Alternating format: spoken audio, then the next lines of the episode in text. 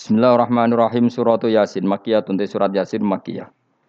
Au illa qaulahu maksudnya Makiyah bangsa periode zaman Rasulullah tesih teng Mek Mekah. Au illa qaulahu atau kecuali dawe Allah taala wa idza qila lahum anfiqu al ayat niku. Au madaniyatun utawa sebagian ulama darani surat Yasin bangsa napa? Madaniyah isnatan iku loro wa samanun lan 80 apane ayatan ayat. Jadi surat Yasin kabeh berjumlah berapa? 82 ayat. Bismillahirrahmanirrahim Yasin. Ya semua ulama mana Yasin itu mana nama lain dari Rasulullah Muhammad Shallallahu Alaihi Wasallam. Meskipun secara ikhtiyat, secara hati-hati, mufassir biasanya bilang Allah a'lamu bimuradi bi. Allah Allah alamu dat sing berso bimuradi kawan kersane Allah bi iklan Yasin. Tapi kita tahu secara ahwalul ulama ya saya ulang lagi kita tahu secara tradisinya ulama tetap mengatakan Yasin maknanya ayah Muhammad. Buktinya terusannya apa? Innaka laminal mursali. Innaka ke siapa coba?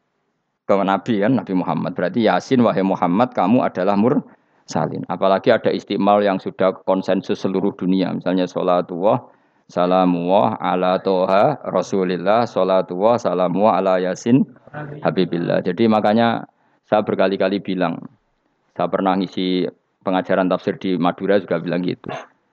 Ada disiplin ilmu tafsir dan itu kadang ketatnya ikhtiyat. Ikhtiyat itu hati-hati sehingga tetap bilang Allah alamu bimuradi bidalik. Tapi meskipun demikian, ada konsensus masif dari para ulama yang menggunakan Yasin Toha itu untuk Rasulullah Shallallahu Alaihi Wasallam. Karena secara siakul kalam pasti demikian. Misalnya di juz 16 ya, surat Toha itu ya, 16 ya.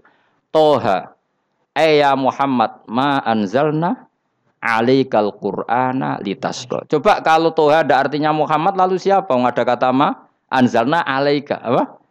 Coba sekarang Tuhan ganti ya Muhammad kan pas ya Muhammadu ma anzalna alaika al-Qur'ana tasko. Jelas ya? Secara siakul kalam Tuhan menunjuk siapa? Muhammad karena itu sana ya coba ya. Tuhan diganti kata Muhammad. Ya tentu diganti secara makna. Ya Muhammadu ma anzalna alaikal Qur'ana tasko. Yasin juga ganti aja. Ya Muhammad demi Quran yang hakim inna kaya Muhammad laminal mursalin. Sehingga meskipun mufassir secara disiplin ikhtiyatnya kehati-hatiannya bilang inna kalaminal apa? Awa alamu bimuradihi bidalik tapi secara ahwalul ulama tetap toha dan yasin adalah ismun min asma'i rasulillah sallallahu alaihi wasallam. Kayak apa? Kayak tadi apa? Salatullah salamullah ala toha rasulillah. Salatullah salamullah ala yasin habibillah. Jelas ya? Jadi antara istimalnya ulama itu beda dengan keikhtiatan mufassir. Dan tentu kita milih yang istimalnya ulama. Karena itu lebih gampang supaya kata alaika khitab itu kena apa? Kena. Mukhotabnya siapa siapa terus ketiga kata Ibnu Jarir atau Bari nggak mungkin Allah mengkhitabkan sesuatu dengan sesuatu yang nggak bisa difahami. Karena orang Arab dan zaman itu faham Yasin adalah Rasulullah, Tuhan adalah Rasulullah, sehingga ada khitab itu. Buktinya orang kafir zaman itu nggak pernah menyoal gini. Muhammad katanya Quran itu indah, mudah difahami. Ternyata ini adalah lafat-lafat yang kita tidak paham. Nyatanya orang kafir tidak gugat seperti itu. Itu menunjukkan bahwa penggunaan Tuhan dan Yasin adalah ma'ruf dan difahami. Paham ya? Jelas ya? Ya soal nanti ikhtiyat, ya ikhtiyat saja kita ikhtiyat. Paham ya? Tapi tetap difahami apa? Tetap difahami. Buktinya jelas kan Toha ma anzalna alaika. Berarti diganti saja apa? Ya Muhammad ma anzalna alaika al-Qur'ana ditasqa. Mohon jelas ya.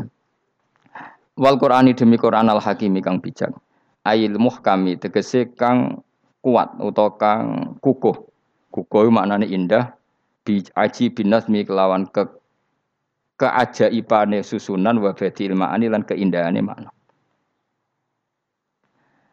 Innaka saat temen sira ya Muhammad wa Muhammad lamnal mursalin setengah sangking wong sing diutus. Sungguh termasuk wong sing diutus Allah. Ora sekedar diutus ala siratin kowe kowe ngatasi jalur to dalan mustaqimin kang jejeg. Uti alaikum mutalikun ta'aluk bima perkara qabla kang sedurunge iki dawuh. Aitori kil ambiya tegese kowe iku sesuai dalane para-para nabi qabla ka sedurunge sira. Maknane torikil ambiya ya tauhid tegese tauhid wal huda lan petunjuk Wa taqidu tinau kiti bil qasami klan qasam wa ghairi lan liyane qasam ngrad niku nolak liqaulil kufari marang pengucape wong kafir lagu maring nabi wong kafir komentar ning nabi napa lasta mursala. Muhammad iku ora rasul. Terus Allah jawab innaka laminal mursalin. Tanzil al azizi kang kowe iku dadi rasul mergo untuk turun turunan untuk keturunan Quran sing aziz, sing tanzilal aziz. Kang Quran iku dadi sesuatu sing diturunno Allah sing aziz. Fi mulkihi dalam kerajaan wa ar-rahimi kang welas fi khalqihi lan makhluk Allah. Utai lafat tanzil ku khabar mutadain khabar mutada. Ya karena Imam Suyuti baca tanzilu sehingga dia nerkep nyamuk tada. Tapi kira kita akan baca apa? Tanzila. Makanya saya berkali-kali ngaji itu sama guru. Imam Suyuti dia itu bacanya tanzilu, makanya dia nerkep jadi khobar. Sementara kira kita tanzila, maka kita nerkep jadi maf'ul mutlak. Paham ya? Makanya kamu gak usah bingung. Lagi kok jadi khobar padahal macamnya tanzila. Utawa bingung mergo ora paham pilihane loro Ya. Jadi yang jelas Imam Suyuti itu kadung milih rofa, makanya dia nerkep khobar. Paham ya tanzilu, makanya dia nerkep apa? Khobar. Kalau kita baca kan tanzila, maka itu maf'ul mutlak atau nyimpan kata amdahu. Ayil Quran itu kese Quran khobar mubtada'in muqaddarin. Apa sing kang aran tanzilul aziz ya Qur'anu tentu Qur'an. Qur'anu tujuane ditung dira supaya ngekei peringatan sira bi bil Qur'an kauman ing kaum muta'alikun bitanzil. Maung dira kang ora dikei peringatan sapa abahum bapak-bapak wong akeh elam yung zaru. Tegese ora dikei peringatan sapa ngakeh fi zamanil fatra ing dalam zaman fatra. Ya jadi Quran itu gunanya ya membuat logika yang benar supaya orang itu menghindari kesalahan. Jadi menakut-nakuti itu kalau nggak harus tentang neraka, takut dari kesalahan, takut dari kebodohan. Kan kita juga takut kan punya pemimpin yang salah, takut punya kasus, takut kepleset. Ketakutan tidak harus dari neraka. Makanya saya berkali-kali bilang, saya sering dulu dinasihati Mbah Mun, hak, kena kepen alim, ojo sering mau tafsir, mari goblok dari dari Mbah Mun. Maksudnya mari goblok itu gini, mufasir itu manusia, kadang dia itu satu ayat umum, dia mendiktekan ke satu kasus, padahal kasusnya lebih umum. Makanya berkali-kali sama nani umpomong ini, contohnya ini. Karena karena nanti itu mengikat. Misalnya gini ya, saya ulang lagi ya. Ben gayamu kayak wong alim. Ini kan malam dua tiga. Saya itu nggak pernah loh ngitung sengaja. Tapi ini malam dua tiga kita insya Allah nginjak jus berapa? Dua tiga. Ini insya Allah barokah sekali. Tapi rasa Arab Arab Lailatul Qadar biasa wae. Ora kelas e. Wis ben sing entuk Lailatul Qadar ben wali-wali wae. Kene entuk cipratane wis napa cukup. Lewung terawih arang-arang ya jaluk. Iya kalau kita mintanya dianggap Allah minta, kalau dianggap ngelama. Coba andekan kapasitas Anda itu RT, minta jadi presiden, itu ngelama apa doa? Tidak jawab saja. Ngelama. Jatah kamu untuk adab, kok jaluk Lailatul Qadar, ngelama apa Anda? Mestinya jalukmu orang untuk adab itu bagus sih. Paham ya? Banyak ulama diajak istisqa gak mau. Banyak itu lama. Ayo istisqa kita karena sudah lama gak hujan. Kata ulama tadi, jatah kita ini kena hujan batu dari langit. Enggak hujan batu sudah bagus, enggak usah minta. ulama macam-macam. Lah rai-rai ngene iki sih untuk Lailatul Qadar untuk adab ayo jawab. Ayo. Orang untuk adab wis bagus. Yo dadi dongane ya Allah. Ampun jenengan siksa la tu'a khidna. La tu'a khidna maknane njuk Lailatul Qadar pun ora disiksa. Ya makam kita itu masih robbana la akhirna. Iku supaya gak disiksa innasina waktu nak kalau kita salah. Kowe kan gak kalau. Wah sudah salah. Jadi donga innasina waktu nak sange ane pangeran wae ditambahin kalau-kalau kita salah. Kalau kita kan sudah ada kalau-kalau lagi sudah. Sudah jelas salah berkali-kali lagi. Mbok wong diisin. Yo lak jaruk Ratul Qadar gak diisin. Tapi ya oleh wong pangeran apian. Pangeran kan tapi misalnya pangeran ora aku luwe apian timbang aku. Jadi sowe disahno permintaan. Tapi gak dikabulno. Mau disahno tapi ora usah? Tiga disahno iku iman jalin wong goblok piye meneh, macam-macam. Makanya doa paling fair itu ya Robbana dzulamna anfusana wa lam taghfir lana wa tarhamna lanakunanna. Makom kita itu disepuro pangeran. Sing bener donga traweh-traweh lho ning Tuban ning Jogja wis bener apa innaka afuwun karim tuhibbul afa fa'fu anna. Ora ana guru-guru kita donga ya Allah anilna lailatul qadar ya Allah. Ka ana saraku kiye kita ana ngajarno ngono ya Allah innaka afuwun karim tuhibbul afa fa'fu anna. Jenengan kandat sing kathah nyepurane lan seneng nyepuro pun jenengan sepuro. Iku bagus sudah. Sudah bagus ora lailatul qadar gresuk ndelok srengenge terus delok angin Angger daerah angan daerah Gunung Kidul banter terus anak-anak. Boy wong tahu diri, maksud kula dia tetap minta Lailatul Qadar tapi tahu tahu diri. Misalnya suwe bersodako, poso ber sholat sewu rakaat, terus utang di sahur, sampai sepuluh togo-togo sing buat dolimi jalui sepuro. Pas kue in tenan, mereka ngerasa ora dolim, duk ilatul qadar. Tapi kira ngerasa ora dolim, wis ujub sombong. Wong sombong kira berhak meraih. Nah terus piye Gus? Ya biasa wae, pokok biasa wae. Makom kita ora kena adab itu sudah luar biasa. Ora penuh adab piye. Wis ngene iki luar biasa, napa? Luar biasa. Mpun nang ngandel kula. Mesti ngene iki keadaan seperti ini terus. Soale dongane wae Rabbana la tu'akhidna bin nasina wa akhtana. Itu jadi itu sudah sudah luar biasa. Nah, ini kan teruskan dawe Mbah Mun ya. Eh, misalnya Allah bilang gini, fattaku, maka takutlah kamu. Biasanya mufasir ditambahi minanar, maka takutlah kamu masuk. Sebetulnya yang perlu dihindari dari kita, takut itu ya, takut salah, takut bodoh, takut terdolimi, takut mendolimi orang lain, takut hidup tidak ada gunanya. Tapi mufasir tentu milih yang populer, takutlah kamu dari api neraka. Coba misalnya gini, kita nanti masuk surga. Kemudian zaman di dunia kita tidak pernah berkampanye ya atau berkontribusi untuk agama Allah. Coro saya itu izin. Kata Imam Malik, saya masuk surga. Kemudian orang yang mencintai saya masuk surga itu sama malu. Rasulullah juga gitu. Saya sebagai pemimpin umat, saya malu masuk surga dan satu dari umat saya masih masuk neraka. Jadi lama dulu tuh ketakutannya bukan sekedar masuk neraka, takut malu, takut bodoh, takut keliru, takut. Saya misalnya nanti masuk surga itu malu dengan saya tidak pernah ngajar tafsir Jalalain. Malu saya. Karena kalau tanya Allah, hak kenapa pun swarga? Terus di swarga. Tapi kalau pernah baca tafsir jalan kan anak keren nih.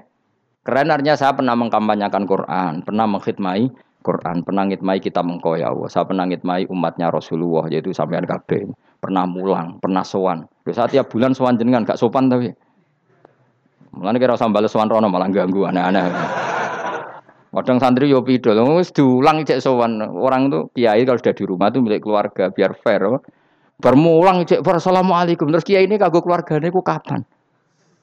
Bu mikir bocah orang karu-karuan. Jadi seneng ya di ilmoni, napa seneng ya di ilmoni. Saya ulang lagi ya. Nah, kata kata yang ditafsir itu sering tidak mengikat. Makanya kata Bahmun, baca tafsir itu dikurangi. Maksudnya dikurangi itu bukan apa-apa. Maksudnya tadi kalimat yang ditafsir itu tidak mengikat. Yang mengikat itu yang kalimat di Quran. Nah, kalimat Quran itu umum, napa? Misalnya gini, Allah lalu gini. Eh, ikdilu, kamu harus berbuat adil. Lalu adil itu misalnya mufasir menafsiri, tak adil itu menyamakan di antara dua orang konflik. Misalnya di MK 01 dan 02 dianggap sama, itu namanya adil. Itu kan dawe mufasir. Atau misalnya gini, Allah bilang gini ke saya, hak kena jadi kiai sing adil. Terus adil ditafsiri orang, adil itu menyamakan sesama murid, haknya sama. Nah, tapi bisa saja adil itu di luar itu semua. Misalnya gini, ternyata adil menurut Allah gini. Adil maknanya seimbang, apa? Adil itu maknanya apa? Seimbang. Lalu keseimbangan seorang hamba adalah dia ingat Allah lebih banyak. Karena ini bandul yang benar-benar nyata. Allah itu nikmatnya nyata. Sehingga ketika saya sebagai orang alim ingat saya alim itu karena Allah, dikasih ilmu Allah, dikasih cerdas Allah, dikasih semuanya dari Allah. Sehingga saya itu tidak merasa kumuluhur pada kalian karena semua ini dari Allah. Kemudian Allah sendiri yang memerintahkan, ya, kamu harus mengajar. Maka saya ada Arab-Arab salam template sampeyan, penghormatan sampeyan, apresiasi sampeyan karena saya hubungannya hanya dengan Allah Subhanahu wa Itu namanya adil, meletakkan sesuatu proporsional. Itu juga adil namanya. Makanya seseorang itu nggak bisa dikatakan abid selagi belum tahu kalau ibadahnya minallah. Jadi misalnya ke ibadah tok, Ternyata kamu yakin itu ibadah kamu, amal kamu itu belum abid. Abid hakikat adalah alhamdulillah alladzi hadana li hada wa ma kunna linahtadiya laula anda tahu. Ketika kita sujud yakin ya Allah alhamdulillah jenengan menakdir saya sujud. Saya sholat alhamdulillah engkau menakdir saya sholat. Sehingga minallah dulu pikiran itu semua kebesaran kemendahan hari ini minallah dulu. Baru setelah minallah kita yakin billah. Setelah billah juga yakin ilaw wah. Misalnya gini lawa itu. Setelah saya ngajar tafsir Jalalain, kepentingan saya satu. Hamba-hambanya Allah menjadi tambah mencintai Allah. Tidak mencintai saya, enggak penting sama mencintai saya. Makanya Imam Syafi'i tiap ngajar bilang begini. Waditu annal annal khalqa ta'allamu hadal ilma wala yahmadunani. Saya senang kalau kalian belajar fikih sama saya, tapi kamu tidak usah muji saya. Jadikan fikih ini alat takarub kamu kepada Allah. Itu namanya minallah wa ilallah. Itu adil. Tapi adil yang dijelaskan ulama beda-beda tadi. Ada mengatakan adil adalah proporsional antara murid, antara keluarga dan murid. Meskipun kamu senang mulang, jangan merantarkan keluarga itu tidak adil. Itu kan versi, no? Maksudnya Mbah Mun, kamu jangan terjebak versi-versi dalam tafsir.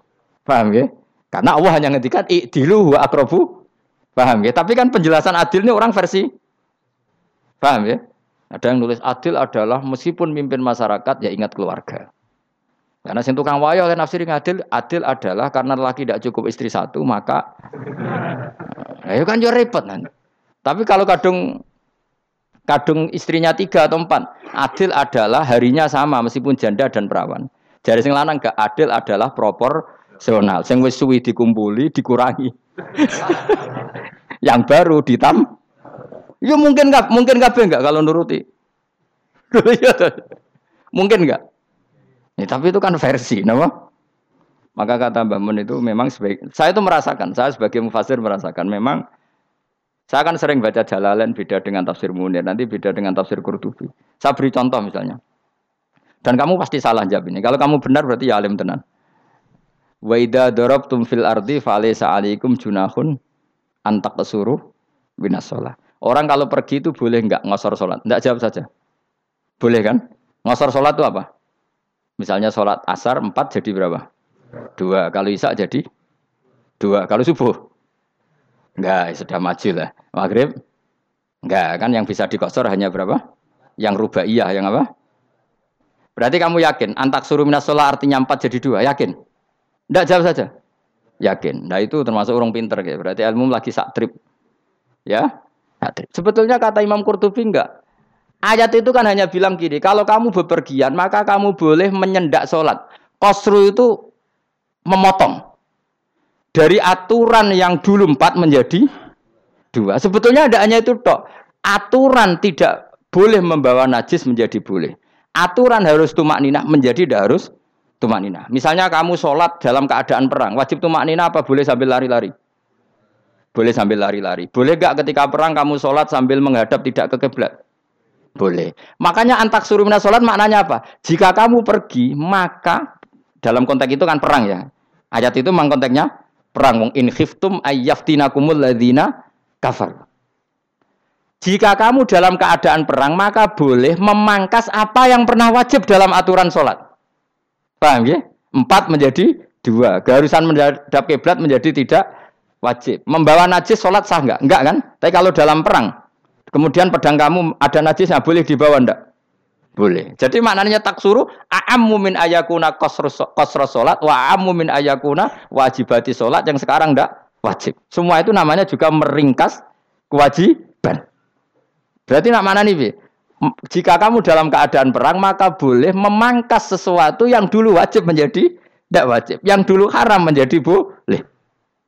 Tapi mufasir mencontohkan kosru sholat hanya empat menjadi dua. Dong ya. Oh ya, nanti alim ngono tenan wis dokter wis dokter tafsir sah. Enggak tak iku sudah dewi. Tapi rapor orang lain ngakui. Jadi itu itu contoh kecil. Jadi mufasir karena kebetulan dia tahunya hanya kosru sholat itu empat jadi dua, dia itu. Padahal di tafsir lain diterangkan kosru itu artinya menyingkat atau mencendak atau memangkas. Dulu wajibnya sholat itu nggak boleh bawa sesuatu yang najis. Tapi kalau sholat dalam keadaan perang dan pedang kamu ada darahnya boleh nggak dibawa? Boleh. Bahkan Allah menyuruh dibawa. dibawa. Dan boleh nggak madep kiblat. Fa in khiftum farijalan auruk banat lagi faida amin tum fadkurullaha kama allamakum ketika keadaan aman baru sholat sesuai standar nah berarti kan ada kosru sholat ada pemangkasan aturan sholat. Kayak misalnya begini. Dalam keadaan normal boleh nggak kamu motong pohon pisangnya tetangga tanpa izin? Nggak boleh kan? Tapi misalnya ada banjir bandang kemudian kamu bisa selamat kalau motong itu. Wajib izin apa malah haram izin? Haram izin harus kamu langsung potong. Karena kalau tanpa begitu kamu teng dan yang punya wajib meridoi kalau gak meridoi disalahkan sarak malah. Paham ya? Jadi ini penyolongan yang wajib Tapi tak sebab potong kayak ngelangihin, terus gedangnya mbok pangan, itu berlebihan. Karena Allah memaklumi hanya untuk ngelangi. Jebule wis menisan lah itu. Itu itu di luar izin syariat apa? Di luar izin syariat. Itu melampaui batas itu. Syaratnya boleh itu ghairu baghiw wala adfamani turro itu darurat syaratnya ghairu baghiw wala dan tidak boleh melebihi batas. Ora apa ngetok gedangnya jupuk sik sing mateng dipangan terus diketok. Ora oleh. Paham jelas ya? Makanya kalau ngaji tafsir ya saya kan berkali-kali ada makna di tafsir Imam Suyuti saya tambahi umpamanya ini. Maksudnya umpama itu supaya contoh itu tidak mengi, mengikat. Jadi yang disebut beliau itu satu dari sekian potensi ribuan con, contoh. Ya kayak tadi misalnya antak suruh minas sholat. Itu umumnya ulama membayangkan kosru sholat yang empat jadi dua. Padahal enggak, maknanya meringkas aturan dari wajib menjadi tidak wajib. Bahkan sebagian aturan itu dikatakan haram, tidak haram. Itu tadi misalnya bawa najis atau teman kamu mau dibaca orang kafir, terus kamu bilang, hei hati-hati, itu tidak batal kalau dalam sholat sidatil khauf. Paham ya? Jelas? Ya, maju lah, masuk malam telu likur, lelatul. Soalnya wis gumen be wong-wong, bingung ora ilmune wong-wong. Ma abahum, elam yung daru tegese ora den kei wedi sapa ngangge fi zamanil ing dalam zaman fatra. Ya sama seperti ini. Orang tidak mendapat engzar itu di zaman fatro zaman gak ada rasul. Tentu tidak hanya itu tok. Ada rasul tapi orang itu jauh dari komunitas ulama. Itu juga termasuk orang yang tidak mengalami in, engzar. Jadi mengalam, tidak mengalami engzar bisa di zaman fatro atau sudah ada rasul tapi dia jauh dari ulama atau jauh dari komunitas is, Islam. Itu juga komunitas yang tidak mengalami eng, engzar. Fahu mongko te wong akeh kaum iku ghafilun lali kabehane iman sing iman parustilan bener. Ya contoh paling gampang tuh nak dawuh yai mesti bener itu loh. Kalau kamu ngaji tafsir Jalalain ya Yuhan nasu budu robbakum. An nasu biasanya tafsirkan kufaru Mekah, napa? Padahal di situ nas semua manusia apa kafir Mekah? Semua manusia. Cuma kontak dulu karena Nabi orang Mekah dan zaman itu yang diberi peringatan orang Mekah, Imam Suyuti bilang ekufaru Mekah. Lah seperti itu kufaru Mekah mengikat apa enggak? Enggak kan? Enggak, karena yang dituruni Quran yo kafatal linas. Tapi ya Yohanasu di jalalan sering ditulis apa? Kufaru Mekah. Nah, seperti itu tidak mengikat. Itu contoh saja apa? Contoh saja dalam konteks zaman itu. Paham ya? Jadi banyak, makanya tafsir itu sebenarnya enggak ngikat. Ya tapi yang ngomong gitu harus orang alim. Kalau kamu yang ngomong malah kacau. Kemudian ngomong sombong, itu kan manusia, saya juga manusia. Ngapain saya harus ikut? Ya sarap ya. Iku ora wis sombong saraf, no? sombong saraf. Lakot hakot teman-teman fahum, lakot hakot teman-teman nyata apa alkohol apa titah, ay wajib tegese wajib mana nyata ala aksarihim. Ing atas sewa akeh akeh wangke bil adab. Lakot hakot teman-teman dadi nyata apa alkohol apa titah anane azab. Ay wajib tegese wajib apa adab ala aksarihim bil adab, fahum mongko te wong akeh layu minun ora iman sapa ngakeh. Il aksaru tegese ute akeh akeh wong ora iman. Zaman niku Mas. Ya, maksudnya zaman itu. Tapi jengben gue buatan ngerti. Tapi yang mungkin batu Isa itu semua orang iman, tapi ya banyak yang setelah iman itu tidak bermanfaat lagi karena wes nabo matahari terbit dari nabo barat hinala yang fa'u nafsan iman lam takun amanat min qabl. Inna temen ingsun naga ingsun fi anaqihim. Ing dalam gulu-gulune wong akeh tak gawe aghlalan ing belenggu. Bi ayu doma gambar bi antu doma gambar ento dewi kumpul no ileha maring anak apa alai di tangan. Di anal gela karena saat menegil iku yajma'u iso ngumpul napa gil al yada ing tangan kal unuk maring geger maring napa gulu gulu guri lho jenenge unuk. Wong Arab nak darani kene ku unuk, nak darani kene ku nakher. Ya wong Arab, ya kene ku unuk, kene ki nakher. Lah gulu niku ngeten, tangan didakok teng napa?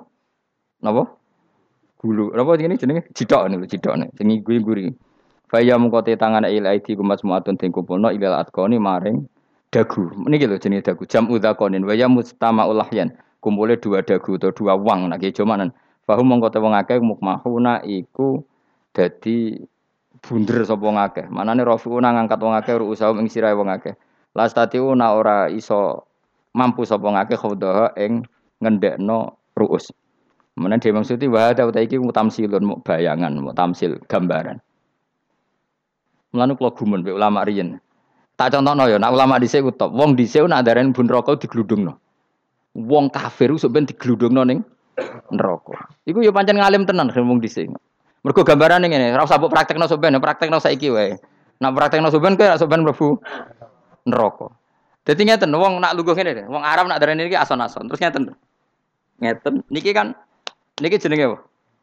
Dengkul. Dengkul itu kena dagu, terus tangan kena jidok. Dadi ngeten. Jadi wong wis dalam keadaan bunder. Paham ya? Lah malane malaikat karek nyaduk terus gludung-gludung ngono. Paham ya? Jadi mereka yo napa? Dengkul nempel dagu, paham ya? Tangan nempel jidok, terus ditaleni. Paham ya? Terus ya karek gludung dong, malane wong kuno nak dene bun rokok iku. Ngono. Ki bayangno saiki sok ben ra usah, gak usah mlebu maksudnya, paham ya? Mulane ape mlayu ora iso, wis posisi ngono, paham ya? Sebenarnya rasa delok, maksudnya itu praktekno saiki. Menang delok lho. Lah dawuh Imam Suyuti wal muradu te kang den kersakno iku annahum sak temne wong akeh la anu nek ora tunduk sapa wong akeh imani maring iman. Wala faduna ora tunduk sapa wong akeh ora ndilukno ru'usahum ing sira wong akeh lahu krana iman. Iki tapi jawab Imam Suyuti. Tentu tidak semua ulama sependapat.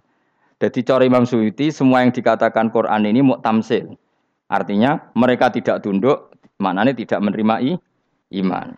Ya, tapi itu cara Imam Syuuti. Ulama lain yang mengatakan tidak. Memang orang kafir ketika masuk neraka dalam keadaan seperti itu dan digeludung, digeludung. Ya tidak apa-apa sama-sama benar. Ya sama-sama benar karena ya Quran itu milik milik bareng, ya. Milik bersama. Jadi eh, apa ya? Kan banyak kalimat kayak tadi mengkosor solat, meringkas solat. Empat jadi dua yang meringkas, paham ya? Dari aturan ketat menjadi agak longgar juga meringkas. Jadi semuanya namanya memotong apa? Memotong dari empat menjadi dua ya memotong, paham ya? Dari aturan wajib menjadi tidak wajib juga memotong. Nah, itu kan sama-sama benar. Lihat nanti konteksnya. Wajah lan gawe sapa ingsun mimpeni aitim sanging ngarepe wong akeh sadan ing tutup. Wa min khalfim sanging gurine wong akeh sadan ing tutup. Fathi sin sadan wa dhamiha lan dhumai sin sudan fil maudhi ing dalam panggonan loro. Fa akhsena mongko ngekeki gelap ingsun ing wong akeh fa mongko te wong akeh laib sirun rani ngali sapa wong akeh. Tamsilun iki ya contone edon disat diturukil iman maring ketutupe dalan iman alih mengatasi kufar. Nak cari maksudnya kabeh iki mau tamsil. Dadi ngene. Dari depan kami kasih tutup, dari belakang kami kasih tutup, kemudian mereka saya kasih kegelapan. Maka mereka tidak tahu. Mana nih apa?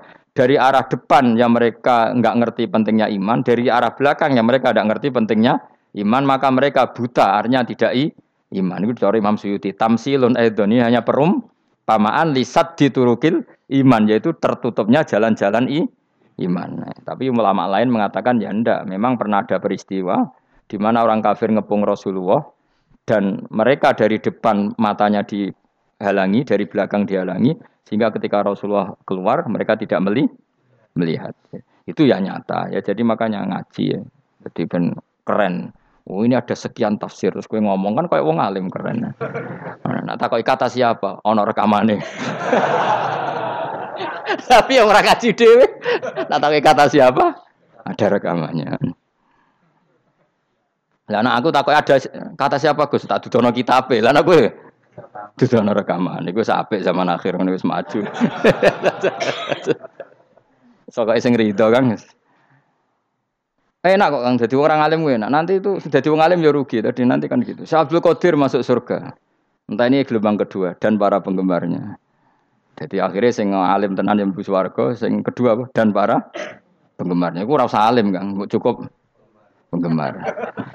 Jadi aku sebenarnya rugi kan. Gus Pak masuk swarga kedua dan para penggemar. Waduh. Terus jebule padha ae. Iku saking rahmane Allah. Kenapa? Kan masyur itu hadis itu. Rasulullah itu ada sahabat nangis, gak bisa tidur nangis. Berhari-hari gak bisa tidur nangis. Hanya karena ingin punya satu pertanyaan. Lama-lama ketemu Nabi, ya Rasulullah saya sudah berhari-hari gak bisa tidur. Ingin menanyakan ini tapi tidak berani. Coba kamu tanya saja.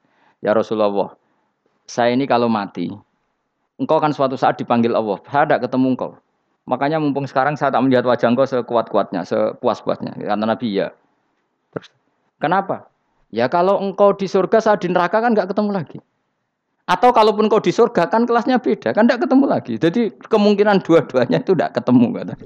Karena tadi bisa aja ya, artinya Nabi karuan di surga, saya di neraka tidak ketemu. Atau engkau di surga, saya di surga pun beda kelas, ya nggak ketemu. Terus kata Nabi, tidak begitu aturan mainnya. Almaru ma'aman ahabba. Orang itu sesuai yang di ya dia dia orang bersama orang yang dicintai. Jadi ya saya harus ikhlas kalau kamu saingi nanti. ya, yes, takdir no. Takdir. Wasawana ni padha uga ale ing atase wong akeh angger tau te ngekek peringatan sira gumeng wong akeh tahqiqil hamzatin angger ta. Wa ibdali saniyati alifan angger ta humata sili ala nasil hamzah wa itu khali alifin wa pun alif bin musahal antara antara hamzah sing ditasil wa ukhra lan ya wa tarki lan tinggal itu khol. Am lam tungzirhum wong ra wis bakat kafir mbok elingno cek ra mbok elingno tetep la yu'minun ora gelem iman. Lah sing iman iku sapa inama tungziru ang mestine ngelingno sira. Maksude yan fa'u tegese manfaat iku ing daruka peringatan sira. Peringatan nemu manfaat man ing wong ittaba kang anut sapa man adzikra ing Quran il Quran tegese Quran. Wa khasyalan wedi sapa man ar-Rahman ing Allah Rahman bil padahal ora roh pangeran. Ya ekhofa tegese wedi sapa wong ing Allah toh walam yara ora ningali sapa wong ing Allah. Nane bil ghaibi itu apa? Takut Allah dalam keadaan toh dia tidak melihat Allah lang. Mereka tak tafsiri bil ghaibi barang gaib. Barang gaib ning Indonesia terjemahannya hantu. Melihat alam gaib itu maknanya apa dalam bahasa Indonesia? Hantu. Mulane bil ghaibi rata terjemah apa? Wa piye namanya ini wa khosyal di sapa wong ar-Rahman ing wasi Rahman bil ghaibi padahal dene ra roh langsung. Ya ora usah diterjemah ya. Terjemah dadi apa? Barang gaib malah repot. Fabasiruhu mongko ngekei berita gembira sira ing man bimaghfiratin kelawan pengempuranan wa ajrin dan ganjaran karimin kang terhormat. Orang yang seperti itu yang ngikuti Quran dan takut Allah itu layak mendapat maghfirah wa ajring karim wa ta'ala juru karim wal jannatu swarga. Inna saat temen ingsun wa nahnu ya ingsun iku nuhyi uripno ingsun al mauta ing wong sing mati libasi krana pas. Wa naktubu lan nulis ingsun fil lauhil mahfud ma ing apa wae kodamu kang sing lakoni sapa ngake fi hayatihim. Di lauh mahfud apa yang pernah kamu lakukan ditulis min khairin kaapian wasari dan kaelean liyujazau supaya diwalas sapa ngake alih ing atase iki. Wa atharahum lan yo tak tulis bekas-bekas kelakuanem. Matek saya perkara ustuna kang digawe sunah apa bima badam sak usah ngake. Jadi perilaku kamu ditulis, setelah kamu mati ya masih ditulis, yaitu bekas-bekas sunnah kamu yang pernah kamu lakukan. Jadi misalnya kayak kok penemu judi, selama ada orang judi ya kamu dapat, paham ya? Paham ya? Loro gak ya? Makanya ulama ngendikan dulu tu balil amwat, tu baliman mata wa matat ma'ahu dunubuh. Bejo wong mati, kemudian dosa-dosanya melok mati pisan. Mana ini dia mati dalam keadaan tidak pernah melahirkan sunnah keburukan, paham ya? Tapi bejo wong sing mati, kemudian dia meninggalkan sunnah kebaikan yang diikuti ter terus. Kok sampean ini lo bener?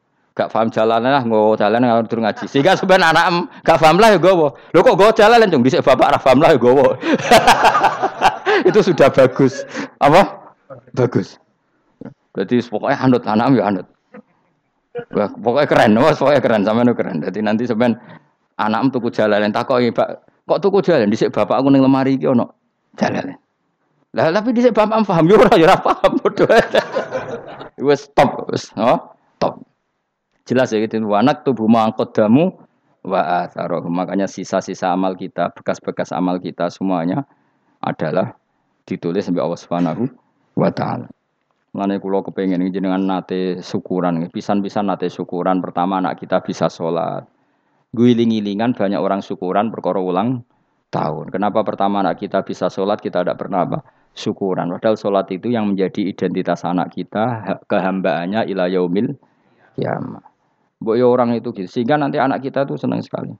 Itu saya itu kalau agak marah, itu anak saya yang paling kecil, baru umur 6 tahun. Itu tahu-tahu bilang, Pak saya sudah sholat.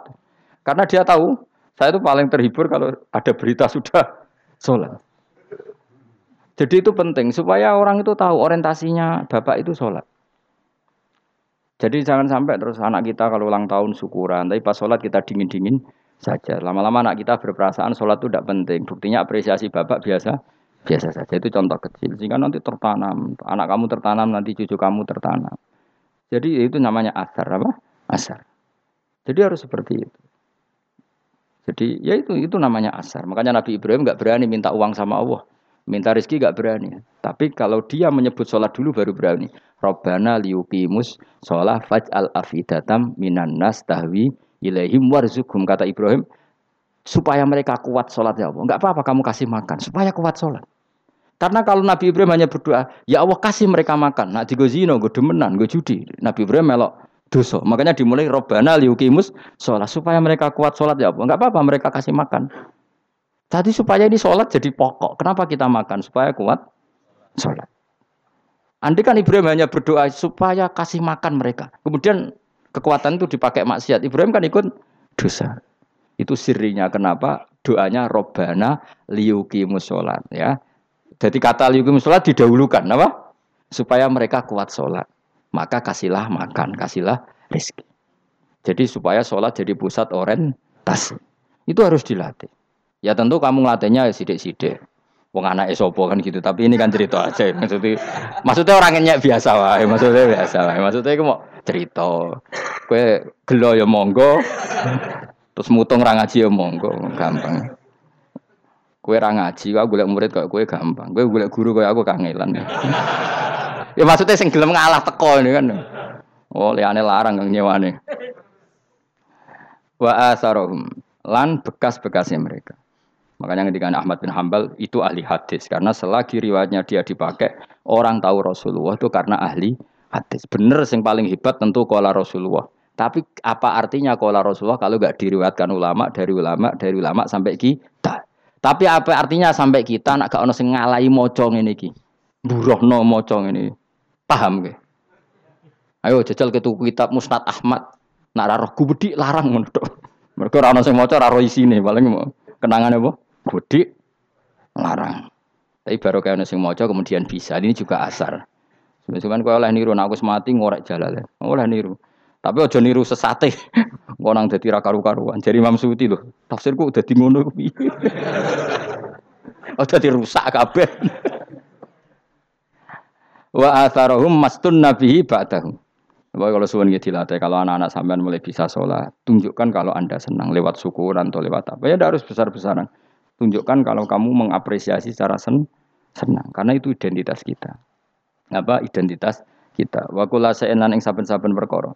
Nasobana nasobahu bi fi'lin fasir utawa nasbuhu. Nasbuhu ta nasabe lafat kula sa'en bi fi'lin kan fi'il yufasir. Nasbuhu ta nasabe lafat kula sa'en bi fi'lin kan fi'il yufasiru kang nafsiri ing fi'il apa dawuh ahsainahu. Ai ahsaina kula sa'en ahsai. Nah, berarti namanya wa kula sa'en lan ngitung ing saben-saben perkara. Wa kula saen lan ingsun ngitung ing saben-saben perkara. Maknane ahsayna tegese ngitung ingsun ing sa. Ndobat nau tegese ngitung ingsun ing sa fi imamin ing dalam catatan utawa ing dalam kitab induk. Imam ku maknane kitab induk mubinin kang jelas. Eh kitab tegese kitab bayin kang jelas. Wa al kitabul bayin iku Allahul mahfuz lah mahfuz.